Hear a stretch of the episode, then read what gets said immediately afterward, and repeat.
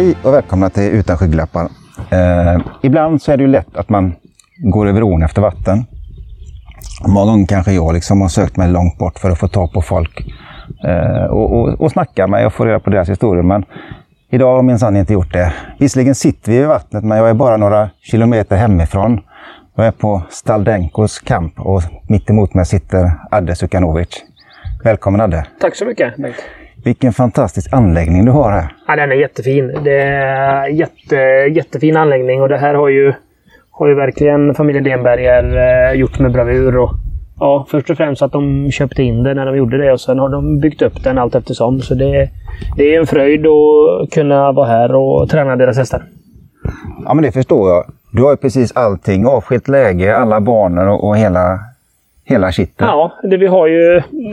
Det, optimalaste då, eller det optimala hade varit kanske haft en 1000 meter bana eller, eller en rundbana av något slag. Men vi har ju en jättefin skogsslinga och en sandbana och en rakbana med lutning. Så, så har vi ju inte så långt till Åby, så, så vi klarar oss ändå. Liksom. Det har ju, bevisligen har vi kunnat träna fram ganska fina hästar. Ja. Och på tal om hästar, om, om vi pratar lite, lite nulägesanalys. Jag, jag gör ju väldigt, väldigt sällan research och sånt innan, men jag kollade eh, träningslistan på dig. Ja. Det är väldigt mycket unghästar. ja, det är väldigt mycket unghästar. Den äldsta är väl fem år, eh, ett femårssto och någon fyraåring och sen är det bara ja, mest tvååringar. Då. Det är väl runt 20 tvååringar. Och eh, det har blivit ett generationsskifte här eh, sedan något år tillbaka. Har vi liksom börjat sålla av de, de äldre travarna och så har det kommit in yngre, bland annat mycket egenuppfödningar. Så, och en del inköpta. Så, så vi håller på att bygga om på nytt. Liksom, att det, det förhoppningsvis tar fram nya, nya talanger. Två, tre, fyraåringar. Ja.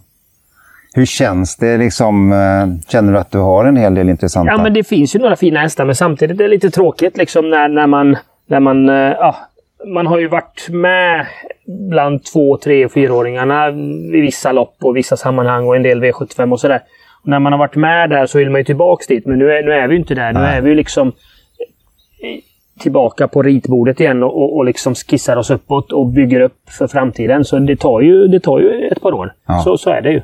Och det är ju inte alla som kommer komma dit, men förhoppningsvis så är det en, en och annan som, som kommer, kommer visa att eh, de kan springa. Och det, det, är ju det, det är det som driver en. Liksom, att den här bunten, 20-talet tvååringar, så finns det ju något guldkorn och det är det man försöker vaska fram så att säga. Ja.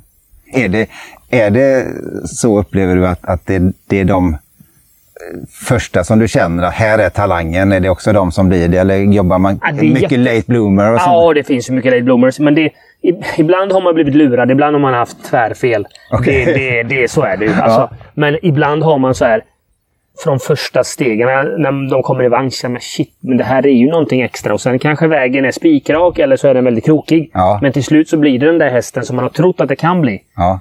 Och det är ju kul. Alltså det, det, är- det är väldigt kul. Eh, och ja, det, det är indi- indi- indi- individuellt, men, men sen så finns det ju som sagt de här late bloomersarna. Men oft, oftast så har det väl känslan stämt att det, det är en fin häst. Ja. Eh, absolut. Ja. Vad, om vi... Eh, som sagt jag, jag vet ju inte så jättemycket mer än det som är från Staldenko om man säger som så. Men, men eh, hur, hur, hur började du med egentligen hästar och liksom lite vad, hur växte du upp? Och vad kom? Eh, jag växte upp på Hisingen. Ja. Eh, ensamstående morsa och en bror som eh, skulle gå hippologutbildningen hade bestämt sig för. Och eh, då var han tvungen att ha praktik i ett travstall. Ja. Eh, och då hängde jag på honom. Han är 14 år äldre än mig, än mig brorsan. Då. Så när jag var en 14, 13, 14 så hängde jag på honom i ett amatörstall ute i Säve. Ja. Och så eh, vart man mig fast kan man säga. Okej. Så som 14-15-åring så eh, tog jag bussen 34, till och med buss 34 minns jag att det var. Från, Hising, från Hisingen in till stan och så tog jag pendeln till Mölndal. Och så gick jag över villaområdet och in till Åby, gamla Stallbacka. då. Och eh, var där på helgerna hos Jörgen Wickman, för detta proffstränare på Åby. Ja. Och en amatörtränare som heter Göran Nilsson som hade samarbete med honom. Då. Ja. Eh, och där, där hängde jag mycket, mycket på helgerna och, och sommartid. Ja. Och hjälpte till att skotta och uh, hämta hästar och köra motion och ja, till, till slut så fick man ju börja köra fort och det var ju, det var ju bland det roligaste man visste. Liksom. Ja. Och då vart man ju fast. Vad, vad var det som, liksom, som drog dig? Ja, men det var ju... Det var ju jag kommer ihåg när jag var på Åby första gången en torsdag när det var tävling. Det var ju farten och hästarna och hela den här... Alltså, det var ju en gemenskap på den tiden som kanske inte finns på samma sätt. Men det var ju det här att kunna vara omkring djuren och kunna hantera dem i de här situationerna som är. Det var ju för mig liksom som 14-åring var ju liksom bara shit vad häftigt. Ja. Och så, så jag var ju i början var ju lite, lite hästrädd faktiskt. Alltså man var ju lite sådär, man hade ju respekt för de här djuren. Men, men ju mer man liksom lärde känna det och kom in i det så ja, kanske man, man var lite dum ibland och, och tappade, tappade den, där, den där respekten lite på vägen. Att man, liksom, att man var lite orädd. Men, Ja. men det där har kommit tillbaka. Att man är, man är lite mer, lite mer eh, försiktig och sansad. Ja. Var, var det, fanns det någon speciell häst på den tiden som liksom fastnade hos dig? Och som, Oj. ehm, det var en häst som Göran hade. Han födde upp hästar och där han hade hästarna hette Djupedal. Så Ja. han döpte dem till Valley. Okej. Så Det fanns en avelshingst för många år som hette Valley Victory. Ja. Men han vände på det. Okej. Så han hette Victory Valley. Ja. Eh, så det var, det var lite, han lekte lite med orden samtidigt. Det var en fuxhingst om jag inte minns fel. Och den var, den var, den var görhäftig. Det var den jag fastnade för. ja. Vad var det som var så häftigt med den då? Nej, men det var ju färgen och så Okej. att han var lite, att han var lite, liksom, lite småkaxig, men han var jättesnäll. Ja. Och, och liksom, ja, man tänkte att det här var ju... Han skulle bli en stjärna bara för han var så snygg att se på. Okej. Tyvärr blev han ju inte det, men, men eh, ja. Det var ju det man tyckte att de snygga hästarna var de bra hästarna. Alltså de på, på utseendet Ja. i, i, i färg liksom. Och, och han hade utstrålning helt enkelt. Ja.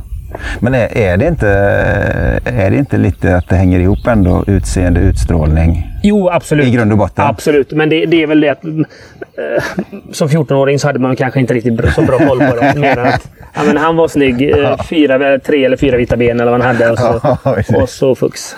Ja. Men vart, vart, vart tog du vägen sen? Eh, sen så vart det Vången för mig i tre år, eh, gymnasiet. Ja. Eh, kom in där eh, och eh, hade jättebra... Mina tre år där var kanon. Fick åka till Amerika under min, min gymnasietid och Frankrike. Och sen så efter de där tre åren så fick jag faktiskt jobb hos Jimmy Takter. Så jag åkte ju en månad efter studenten så åkte jag tillbaka till Amerika. Okej. Och jobbade hos Jimmy nästan två år och nästan lika länge hos Jonas Susannesson. Så jag var, jag var en tre och ett halvt, fyra år i Amerika. Totalt. Den perioden, om man säger som så, skillnaden mellan USA och Frankrike. Ja, det var ju... Det, det är klart, det är ju lite kultur och sen lite hur man hanterar hästar och, och lite annat sätt att se det på. Eh, snabbare liksom. Ja, det var väl inte så tidiga i Frankrike kanske. Jag var ju där en kort period men, men tränade mycket mer än man gjorde kanske i Amerika. Och, Okej. och eh, ja, lite, lite olika, olika filosofier och hur man ser det. I Amerika var vi ju väldigt tidiga. Liksom, tvååringarna var ute och tävlade redan i slutet på maj. Ja. Ja, det är, det är ju ganska... Ja, det är ganska tidigt. Ja, det är det Det är ganska tidigt. Det är liksom baby race i april och jag tror de första Sire Stakesen, New Jersey Sire Stakes, om jag inte minns fel, var i början på maj, slut, början på juni. Eller slutet på maj, början på juni. Och sen så var det igång liksom cirkusen där på Meadowlands under sommarhalvåret och sen så ja, åkte vi till Kentucky augusti, kanske tidigare till och med, och september och var någon sväng till Kanada och ja, hela, hela östra sidan av Amerika. Eh, upstate New York, Pennsylvania och liksom, ja, beroende på var hästarna var stakade och hur duktiga de var och vad de hade lopp. Hur, var- hur var det för dig då att komma från mer eller mindre ett amatörstall och så rätt in till Jimmy Takter? Oj! Eh, det var ju... Alltså när man är så ung också så tar man ju åt sig allting. Ja. Och är man liksom... Jimmy är ju en grymt duktig hästkarl och tränare och Ja. människa på alla sätt och vis. Så det där var ju alltså... Har man intresset och när han var aktiv så, så kunde man få ut så mycket av det så det var helt sanslöst. För man bara sög åt sig allting som han sa eller som han gjorde eller som, som man trodde man skulle liksom göra. Det var ordning och reda. Och jag tror man fick en, en, en ryggrad där så att säga.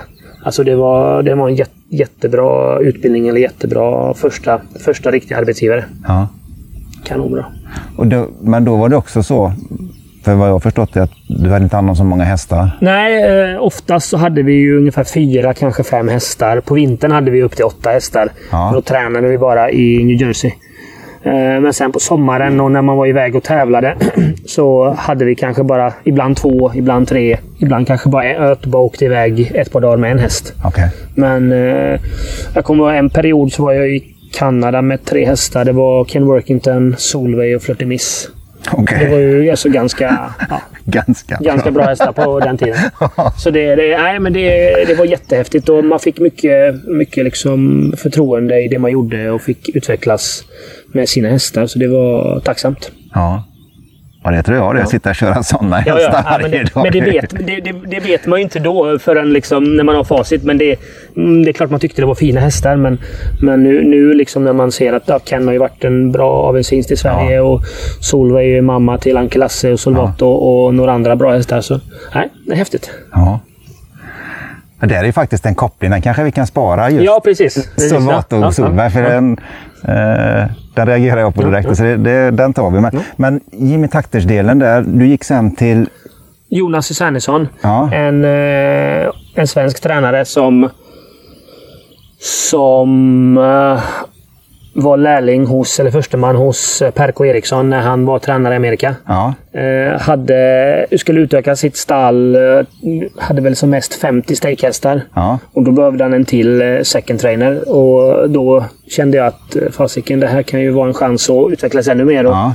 och, och liksom tog den, eh, tog den språngbrädan. Ja. Och så och satte mig i bilen och åkte ner till Florida. Tog ju två dagar nästan. Ja. Och började jobba hos honom och var kvar hos honom ungefär lika länge. Det var väl två tävlingssäsonger, kanske tre, nu minns jag inte riktigt. Ja. Och det var också en jättebra erfarenhet. Både Jonas som, som, som chef och arbetsgivare och Filip Lejon jobbade tillsammans med också under en lång period där. Och det var också en jättebra, duktig kille på häst och, och en bra kompis till mig. Så det var ju, eller blev en bra kompis till mig. Så det var ju, det var ju kul att jobba ihop tillsammans med dem. Var det mycket svenska som liksom... Ja, jättemycket svenskar. Mycket, var- mycket svenskar, mycket skandinaver. Eh, på den tiden. Och ännu fler var det väl säkert något decennium innan mig. Ja. Eh, så det var... Nej, det, liksom, sve- sve- svenskar som hästskötare var eftertraktade där. För man hade liksom... Man tar hand om hästarna på ett annat sätt än vad kanske, kanske vissa andra kulturer gör. ja. Jag kan, jag kan tänka mig också om man tar för de här svenska tränarna att, att man, man vet de svenskarna som kommer, eller skandinaverna, har ungefär samma filosofi Precis. och förståelse för hur man ska hantera. precis, precis, En, precis. en lättare Ja. ingång att komma igång. Ja, så kan det vara. Och sen så är det många som kanske börjar jobba hos en svensk tränare som kommer dit och fortsätter sen hos en amerikansk eller... Ja. man liksom, det, det, det blir fler dörrar öppnas när man, när man lär sig liksom systemet och språket och lär känna folk och skapa nya kontakter. Ja. Ehm, finns det någon häst eller någonting sånt som du kopplar ihop med Jonas-perioden där? Eller hur, Eh, hur jobbade han i förhållande till Imo Takte? Var det... Ja, men det- Jimmy var ju, alltså, han är ju, han är ju sån otrolig hästkarl så det, det, det spelar ingen roll hur vi tränade där. Det kan du kört bra, men det, det bara funkade. Alltså, det, var, det var ju så sjukt för att vi kunde köra rakbana bara en period och sen så var det bara rundbana. Eller så, eh, jag kan berätta en gång, hade väl en kvalat in fyra, fem, kanske sex hästar, minns inte exakt nu, eh, till Breeders Crown-finalerna eh, i Meadowlands. Det var ju både eh, tvååringar och treåringar, både travare och passgångare. Ja. Och då eh, mellan försök och final, eller om det var innan försöken, så nej, nu ska vi bara longera. Eller nu skulle vi, bara, nu skulle vi rida in alla hästarna helt plötsligt. Okej. Och så gjorde vi det. Ja. Och så bara var vi ute i skogen och, och liksom... eh, Ja, red inget märkvärdigt med ut och skritta och Ja. trava lite och sådär. Och det funkade. Alltså, det spelar ingen roll. Så länge han hade en idé och han, och han utförde den så verkade den känslan jag fick var att det funkade. Alltså han, han, han, hade, han, hade, han hade sån jäkla känsla för hästarna. Så det, det, det är få förunnat. Jag tror kanske om det är hästarna eller om han hade gjort något annat kanske han varit lika framgångsrik. Jag vet inte. Men, men han var grymt duktig på det han höll på med. Okej. Är- Alltså, att kunna bara skifta Ja, ja. om en filosofi sådär och så även få det liksom... Ja, det bara funkar. Jag, jag vet inte om det var... Om, ja, vi vann i alla fall två eller tre finaler. Kanske ja, det var någon andra plats och sådär. Så det, ja, det är bara... Ja, inga konstigheter. Men var det någonting som, som man fortsatte med sen då, även efter de här finalerna? Eller var det Nej, bara det var nog bara då, det, det kanske var då bara för att toppa dem. Liksom, för han Okej. visste ju liksom att han hade tränat dem hela... Säsongen var ju lång. Det här var ju november. Ja, Säsongen har varit lång. Han visste liksom att jag behöver inte köra säkert så mycket mer fart med dem. Nej. Jag har dem där jag vill ha dem. Nu var det bara liksom att, att, att hålla dem i form och behålla skallen på dem. Och det var väl det vi gjorde. Liksom. Vi bara, de, de skulle bara få vara hästar liksom, precis. för, för stunden och det, det funkar. Få dem att fundera på någonting annat Precis, istället. precis, precis, liksom precis, precis, precis. latcha runt lite och så ha kul. Ja. Så, Ja, det nej, känns- det är häftigt, Det, alltså. det, det, är känsla alltså. Ja. Det är känsla. Men Jo- Jonas, då var det lite mera, för då var du lite, vad så andra tränare? Ja, precis. Jag och Filip delade på andretränaransvaret. Så Ja. vi, vi, hade- vi hade ju det att vi, vi, körde, vi körde hästar. Eh, Jag skrev listor och körde hästar på, på förmiddagarna. Och så böjde vi lite hästar på eftermiddagarna. Och så ja, utförde vi lite olika sysslor som ja, åkte och hämtade foder eller vad det som behövdes göras liksom, i stallet. Eh, pratade med hovslagaren och veterinären. Och, ja. Eh, Men det var ju ganska skandinaviskt där också. Att eh, det fanns en rakbana nere i- på Sunshine Meadows. Så vi körde ju vi körde en del rakbanejobb och eh, mycket rundbana då med tvåringarna. Och sen så gick de tillbaka till rakbanan, tvåringarna, och så tillbaka sen igen till rundbanan. Så det liksom alternera. Okej. Ja. Så ja, men det var, det var en jättelärorik period också. För han, han hade ju han hade ju också en, en, en bra filosofi till hur han skulle träna och hade fina hästar. Och, och Det kändes som att vi, ja, men vi vann ju en hel del lopp eh, under den- den perioden och hade rätt så fina hästar. Både äldre hästar och Ja. unga hästar. Och så så det var, det, det var väldigt kul. ja. Men det tog slut. Det var inte du så att du kände själv att här vill jag satsa i USA och, och köra? Ja, det är klart man hade ju lite, lite de tankarna. Om man skulle vara kvar. Och då har man ju sett liksom hur, hur de här som, som på den tiden, som Björn Norén som är hemma nu. Ja. Han, eh, han jobbade ju liksom hos Jimmy så många år och ansökte om sitt green card och fick det. Men det tog ju en 8-10 år eller vad Ja. tog. Och då är du liksom då är du fast där under Ja. den perioden. Så det var ju det jag hade välja på. Men jag kände någonstans liksom efter, efter den tiden att, att nu var det dags att uh, åka hem. Jag hade inte varit hemma eh, någon gång under Nej. den tiden jag var där. Och då kände jag att men nu, nu, nu, nu vill jag hem och, liksom, och, och prova på att jobba hemma och se vad det kan ta mig. Ja. Så då, eh, om det var hösten 2007 eller 2008, ja, det minns jag inte. eh, Så eh, ringde jag till Veijo Heiskanen och så frågade jag om han behövde eh, en hästskötare i stallet. Ja. ja, ja sa han. Men jag, jag är hemma på fredag och så börjar jag jobba på måndag. Okej. Så, så, så, så var det med det. Flytta hem till morsan eh, för första gången på... Ja, vi har bott hemifrån i nästan sju år. ja. Om man räknar med gymnasietiden också, för då bodde jag nästan på Vången hela tiden. ja, precis. Eh, ja. Och började jobba hos Veijo på Baltorp. Det är ju fördelen egentligen det här med, med trav eller hästbranschen, den biten. Det är bara att ringa. Ja, kom du, börja Ja, ja, köra. ja Det- men, men, så, men så var det liksom. Det var bara, ja men absolut. Eh, och då hade eh, Lotta, en kompis eh, som jag lärde känna i Amerika, hade liksom sagt till mig ja men det är en bra kille. Han, han, han kan du anställa. Hon hade jobbat hos honom i många år också. Så Ja. då, då, på den vägen var det. Ja. Så då flyttade jag hem och så jobbade hos Veijo i två, två och ett halvt år. Ja. Jag hade en jättebra tid hos honom också. Fick mycket ansvar och det är ju så Veijo funkar. Liksom. Han, han lämnar över det till, till sin personal och, Ja. och han sköter träningen och hela den biten. Och personalen får sköta sina hästar och, och allt annat runt omkring. Och det har ju funkat jättebra. Liksom. Och, och fick börja köra lopp hos honom och, och komma tillbaks till den rutinen. Och hade jättefina hästar, bland annat uh, Boulder Classic och Yellow Eden. Uh, skötte en häst som heter eh, Reality Pride som är mamma till en så bra häst som Who's Who. Till exempel. Okej. Så det var ju också en sån här... Alltså, man tänker ju inte på att det här ska bli en, en jättebra fölmär och hon kanske lämnar någon bra häst. Utan det var en jättefin häst. Alltså hon, hon var lite speciell i, i sitt sätt. Hon var lite, lite liten och sprang alltid lite på sniskan. Men hon hade en skalle som eh, ja, kanske en på 10 000 har. Okej. Hon gav allt varenda gång. Alltså. Ja, ja det var stenhård med Stenhård med alltså. Så nej, det, det var... Det är kul liksom. Man, Ja. man, man har... Man har eh, nej, när man tänker tillbaka på det. Bara shit, har man suttit och kört sådana hästar? Ja. Ja, det är... Det är häftigt. Och där, eh, då börjar vi snart komma tillbaka till Solveig-kopplingen som vi var inne på i början. Ja, precis. Ja. Eh, sen efter, eh, under tiden hos Vejo så gick jag ju första förberedarkursen då. Och då, då fick jag nys om att Staltilli sökte en ny försteman. Ja, Och också via lite kontakter där så vart jag uppringd av eh, Hans-Gunnar Tillander. ja. Som presenterade sig väldigt... eh, Ja, det är Hans-Gunnar Tillander. Och bara, shit, ja. Ehm, och eh, fick kontakt med honom och jobbade hos honom i nästan ett helt år faktiskt.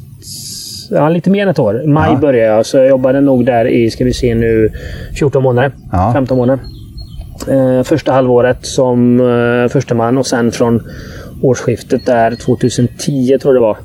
Som egen tränare. Och 2009-2010 där så fick jag också i den vevan eh, Stigå-stipendiet. okej. Så det var ju också en, en, en milstolpe i inom travet som man aldrig kommer glömma. Ja, det kan jag tänka mig. Ja, det, det, bara att kunna vara med liksom och, och, och få chansen att få det. Ja, Och sen så får du det här samtalet. Hej, det är Stigå.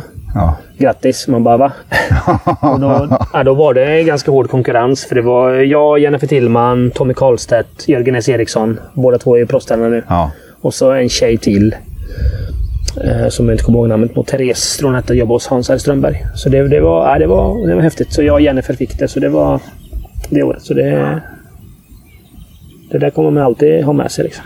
ja men det, alltså, det, det, blir, det blir ju en enorm bekräftelse på det man gör. Jo, men så är det ju. Så Ja. är det, ju. så är det, ju. att, Att, man- att, man- det finns någon ja. annan som har sett att hej, Adde, du har gjort någonting bra. Precis. Och eh, jag trodde faktiskt inte jag skulle få det. För att jag körde inte så mycket lopp och jag var inte den, den bästa kusken eller den som liksom utmärkte mig på det sättet. Jag körde lite lopp men jag var ingen kusktalang. Ehm, men Jennifer var jätteduktig i sulkin och det, Jörgen var ju också duktig i sulkin och Tommy framförallt kör, vann ju två eller tre eh, lärlings-SM. Liksom. Så det är klart, han, han har ju hade jättestor erfarenhet där. Men nej, det är kul. Det är kul att man, man, man, har, eh, man har fått det. Jag är jättestolt över det. Ja, då måste du ha fått det på tränarmeriten och den biten i det läget. Nej, det, inte riktigt. För jag hade inte plockat ut pr- proffslicensen då. Nej. Så det, det var väl kanske att jag hade att jag, jag skrev i ansökan här vad jag ville göra och vad jag hade gjort och, Okej. och hur långt jag hade kommit. Liksom. Så ja, de gick väl på det jag. Ja. ja, det är häftigt. Ja. Men och, och hur, hur, eh, hur upplevde du perioden hos Tilly? Ja, men det, var, det var en omställning också, för då skulle man ha ansvaret för just allting. Då. Det hade väl en 20-25 hästar på listan. Och eh, Man fick ha en, en väldigt eh, rak dialog med familjen Tillander. Ja, Eh, som var ändå... Eh, ja, de hade sitt sätt att jobba på helt enkelt. Ja. Utan, eh, jag var väl med där för att fylla en roll men ändå, ändå liksom göra som de vill ha det. Ja. Så det, det, var, det, var lite, ja, det, var lite, det var lite konstigt ibland men eh, det funkar väl eh, om man liksom ändå fick, fick lägga lite sin, sin touch på det. Eh, men mycket fina hästar, fin uppfödning. Bra, bra personal, bra upplägg på, på många grejer. Och där lyckades jag faktiskt till och med under det året som jag var tränare där så lyckades jag faktiskt åka hem till Åby och vinna en diamantstorfinal under Olympiatravdagen. Och det är ju som ja, haft licens i fyra månader som ny proffstränare. Ja. Och så komma, komma, komma tillbaka till mammas gata och liksom och vinna en final. Ja, det, var, det var häftigt. Det var jätte, jättehäftigt. ja det kan jag tänka Och mig. med en häst som hade liksom problem från början. Och att vi jobbade mycket med henne och och fick till, till, till aktionen och styrkan i henne. Och så Jorma körde och var helt, ja, han var helt överlägsen. Så det var, det var skithäftigt. Vad, var, vad var det för häst? Vad Ja, var hon, det för hette, problem? hon hette Krista Tilly efter en Super Animer. Ja. Som sen faktiskt Åke Svanstedt fick i träning och hon gick inte ett steg och så. så det var, det var lite, jaha. Ja, ja, men hon hade gjort sitt. Nej, men att hon, hon är fullstor nu och jag tror lämnat några hyggliga avkommor. Eh, men hon, hade, hon var ju ganska stor och rejäl. Hade, hade, hade, hade, vad heter det? Hon nu står det stilla. Ordet jag letar efter. Hon hade pro, problem med lite med ryggen. Och hade, En korsförlamning? Ah, nej, inte Nej. korsförlamning. Utan hade, hon hade Karprygg? karprygg. Ja, precis. Och, och lite problem med knäna som många travare kan ha. Och så, där. så det var ju bara att, att försöka, försöka liksom ta det därifrån och, och, Ja. och få det att fungera. Och, nej, det var jättekul. Och eh, hade faktiskt en kompis som jag jobbade med på den tiden som heter, Mark som heter Marcus Schön. Som tog hand om henne. Ja. Så det var ju kul att han, han liksom... eh, att vi var delaktiga båda två. För nu är han... Nu jobbar han åt Starkurant och, och sköter hans hästar och tränar dem uppe i, uppe i, i Stockholmstrakten. Så det, det, det är kul liksom att hänga liksom saker och ting ihop. Ja, det, man märker ju att det, det är liksom en, en stor familj egentligen, Ja. hela travet. Alltså för det, namnen som kommer florerar ju lite överallt precis, egentligen. precis. Och- folk känner ju, Ja. alla, alla känner alla nästan Ja. så är det så att man, ja men det, det är på ett sätt, på, på, på, på sätt och vis är man liksom konkurrenter men eh, många gånger är man ju som en stor familj och man hjälps åt liksom. Det är klart, och kör jag förbi motorvägen och ser att det är en, någon jag känner igen på något sätt eh, har punktering eller problem med sin lastbil så är det klart jag stannar och, och Ja. kollar läget. Och man, man hjälps åt eller om man glömmer någonting på trav så hjälps man åt och sådär.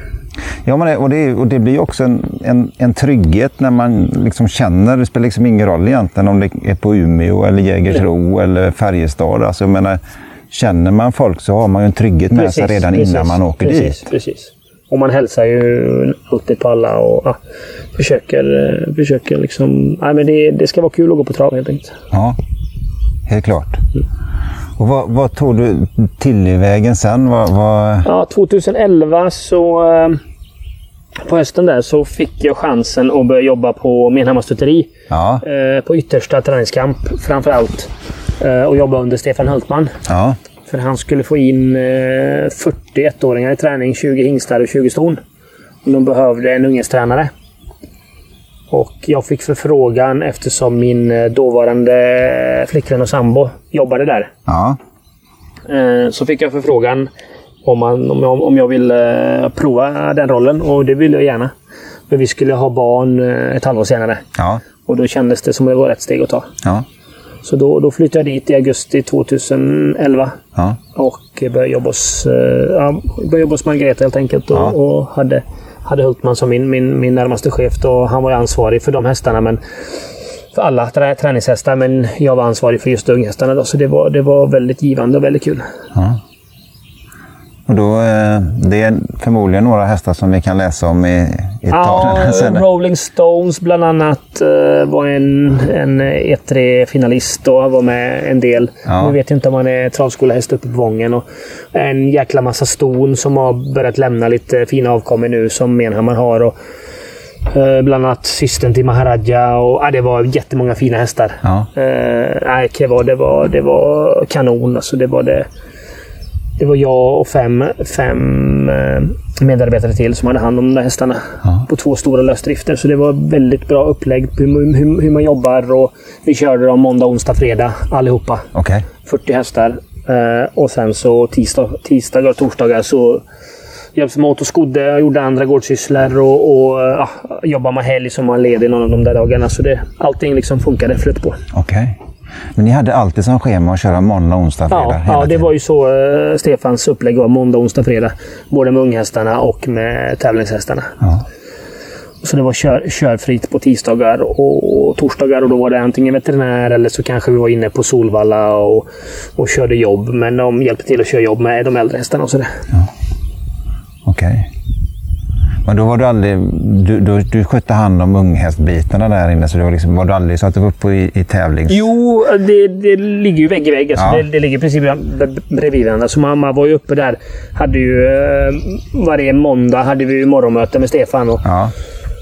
Och diskuterade liksom hur, hur, det, hur det såg ut eh, kommande vecka och hur det var förra veckan. Och ja, la fram träningsrapporter och scheman och så här. Så hade jag kontakt med hästägarna. Skrev, varje månad skrev jag månadsrapporter till hästägarna Ja. på mail. Ja. Så fick de liksom eh, lite info på sina hästar och, och hur det låg till. ja. Häftigt. Mm. Ja, det var väldigt, väldigt, väldigt lärorikt. Och det, var, det är en jättefin träningskamp och hela Ekerö är ett kanonfint ställe. Så det, var, Ja. det är kul att ha fått sett det och, och fått lära sig lite, lite hur, hur, hur det ska gå tillväga. Ja, men det är allt, alltid är det någonting som skiljer det från varje tränare. Precis, ja, även, ja. om, Ja, ja. även om alla hästar har fyra ben, eh, normalt sett. Så. Ja, men det, det är en jättefin anläggning. Och, ja, det, det, framförallt så är det fina, föds det upp fina hästar på de markerna. Så det, Ja. Då är det... Jag ska inte säga att det är lätt, men det är, du har, ju, du har ju möjligheter till att få fram bra individer när du har de förutsättningarna. Ja. Jo, det är klart. Mm. Och du efter, efter Menhammar så? Uh, då flyttade jag tillbaks uh, hit, uh, hem till Göteborg tänkte jag säga. Det är inte riktigt Göteborg, men, men hem till västkusten. Ja. Ehm, som sagt, jag hade fått, hade fått barn, eller vi hade fått barn och längtade väl lite tillbaks hitåt så man kan komma närmare familjen. Ja. Och då hörde ju Pia Bernt av sig och frågade om jag inte ville börja jobba hos dem. Okay. De skulle ha lite hästar hemma, sa de. Ja. Ja, men eh, det passar ju liksom. Och så eh, gjorde jag det.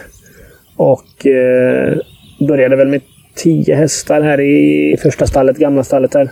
10-12 hästar. Och så ett år, två år senare så stod det väl 50 hästar där totalt. Åh, och då var ju Veijo ansvarig tränare, var här en dag i veckan. Ja. Och sen var det jag och resten av personalen som, som skötte det de andra dagarna. Då. Ja.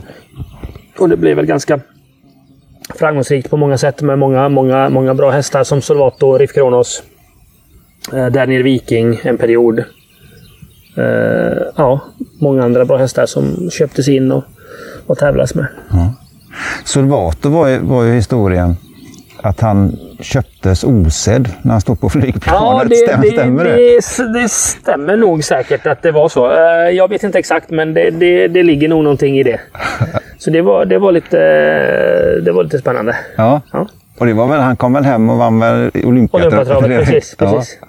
Så det, nej, det, det, den svepningen går inte av för hacket som, som han gjorde där. Uh, ja. Och det är lite kul liksom så här efterhand att, att han står här och att man har liksom varit med och kört hans mamma när hon var två år. Ja. Så ja. Det är lite, ja. Du, jag menar, det är en jädra koppling precis, egentligen. Precis. Och Jimmy Takter och kör hans ja. mamma och sen ja. så... Står han här liksom. Ja. Hon, ja. men det, det är häftigt. Häftigt. Eh, var det, han var, var han fyra när han kom hit? Jag mm, tror att han var fyra. Det stämmer nog. Det stämmer. Ja. Klart, för han, han hade ju lite pengar och gjort en del leveranser och sånt. Men hur var det annars?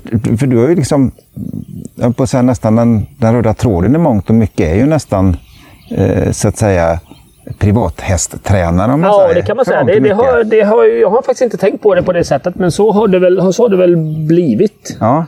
Eh, helt enkelt.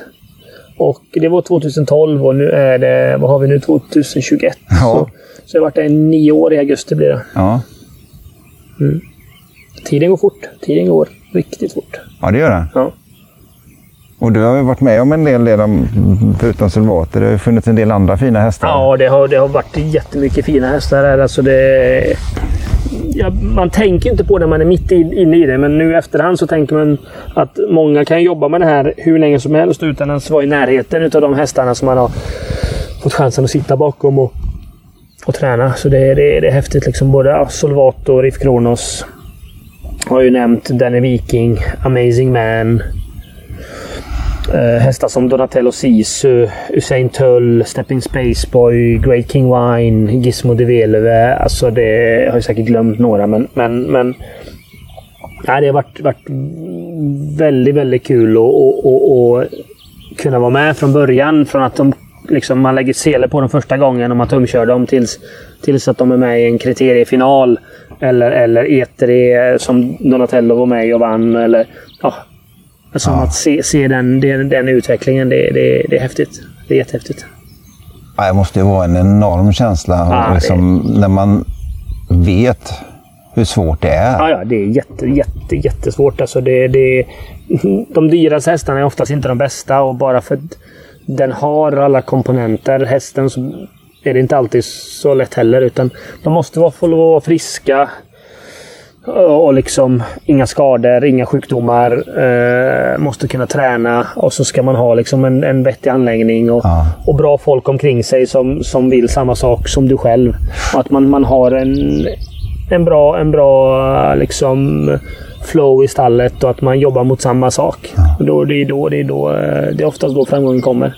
Så all, alla pusselbitarna måste komma på plats för att det ska bli jackpot. Så är det. Man, man klarar sig inte själv och man klarar sig inte liksom utan många av de här viktigare ja. detaljerna liksom som, fo som foder och strö och ja, bra, bra träningsbanor. Att man ska kunna vattna, man ska kunna ha bra material i banorna. Och, ja, Och framförallt så måste du ha bra hästar. Liksom. Ja. Det, det, har, har du allt annat utom hästen så går inte det heller. Nej. Så, så enkelt är det. Nej, det finns ingen, det finns ingen, eh, ingen kugge eller ingen länk i kedjan som kan Nej. brista, utan alla måste Alla sitta måste där. sitta där. Och då, Annars- och då är vi lite... Alltså jag tänker ju det du berättade egentligen i början om då med Jimmy Takters upplägg och liksom ha allting. Eh, Du är tillbaka egentligen där med du säger att det, det måste funka alltihopa. Ja, ja. Och han, han, fick det, han, fick, han fick med sig hästarna, han fick med sig personalen, han fick med sig liksom hela teamet, allt runt omkring till att funka. Och, och det, är, det är ju det som är eh, det, är väl det som är hans storhet liksom, helt enkelt. Ja. Och det är ju inte alla som klarar det och det, det, ja, allt måste stämma.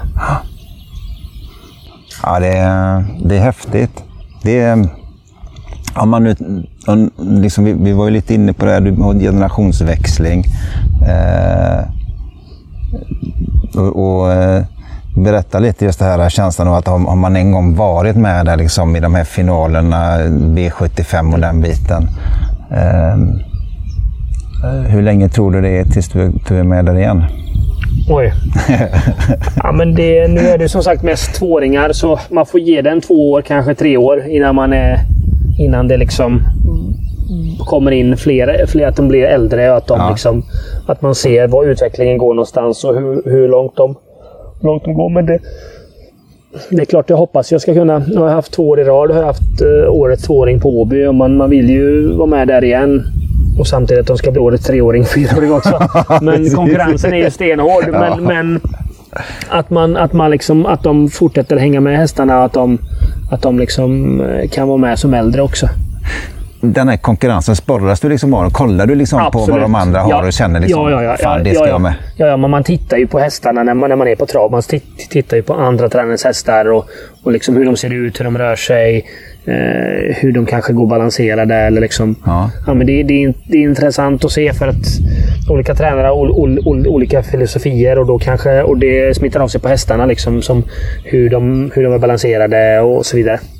Kan, kan du göra så att du, liksom, du, du ser en tränare som helt plötsligt har mycket framgång? Kan du, liksom, kan du gå fram och fråga liksom det här? Ja, men Har- du gjort något? Ja, du ändrat absolut, något? absolut. Vissa har man ju, som man känner har man ju liksom eh, frågat. Men vad, vad, hur kommer det sig? Alltså, om det är någon formtopp eller... Ja. Oftast är det att man bara jobb, jobbat på. Men ibland kan det vara att man har lagt på något nytt material på banan eller gjort någon liten ändring som har gjort den här extra skjutsen. Ja. Men absolut. Och sen har jag frågat liksom vissa kollegor och vissa, vissa vänner inom, inom travet att ah, fan, jag är lite kört fast med det här. Hur, hur, har du haft något liknande fall? Hur har du balanserat det? Hur har du gjort?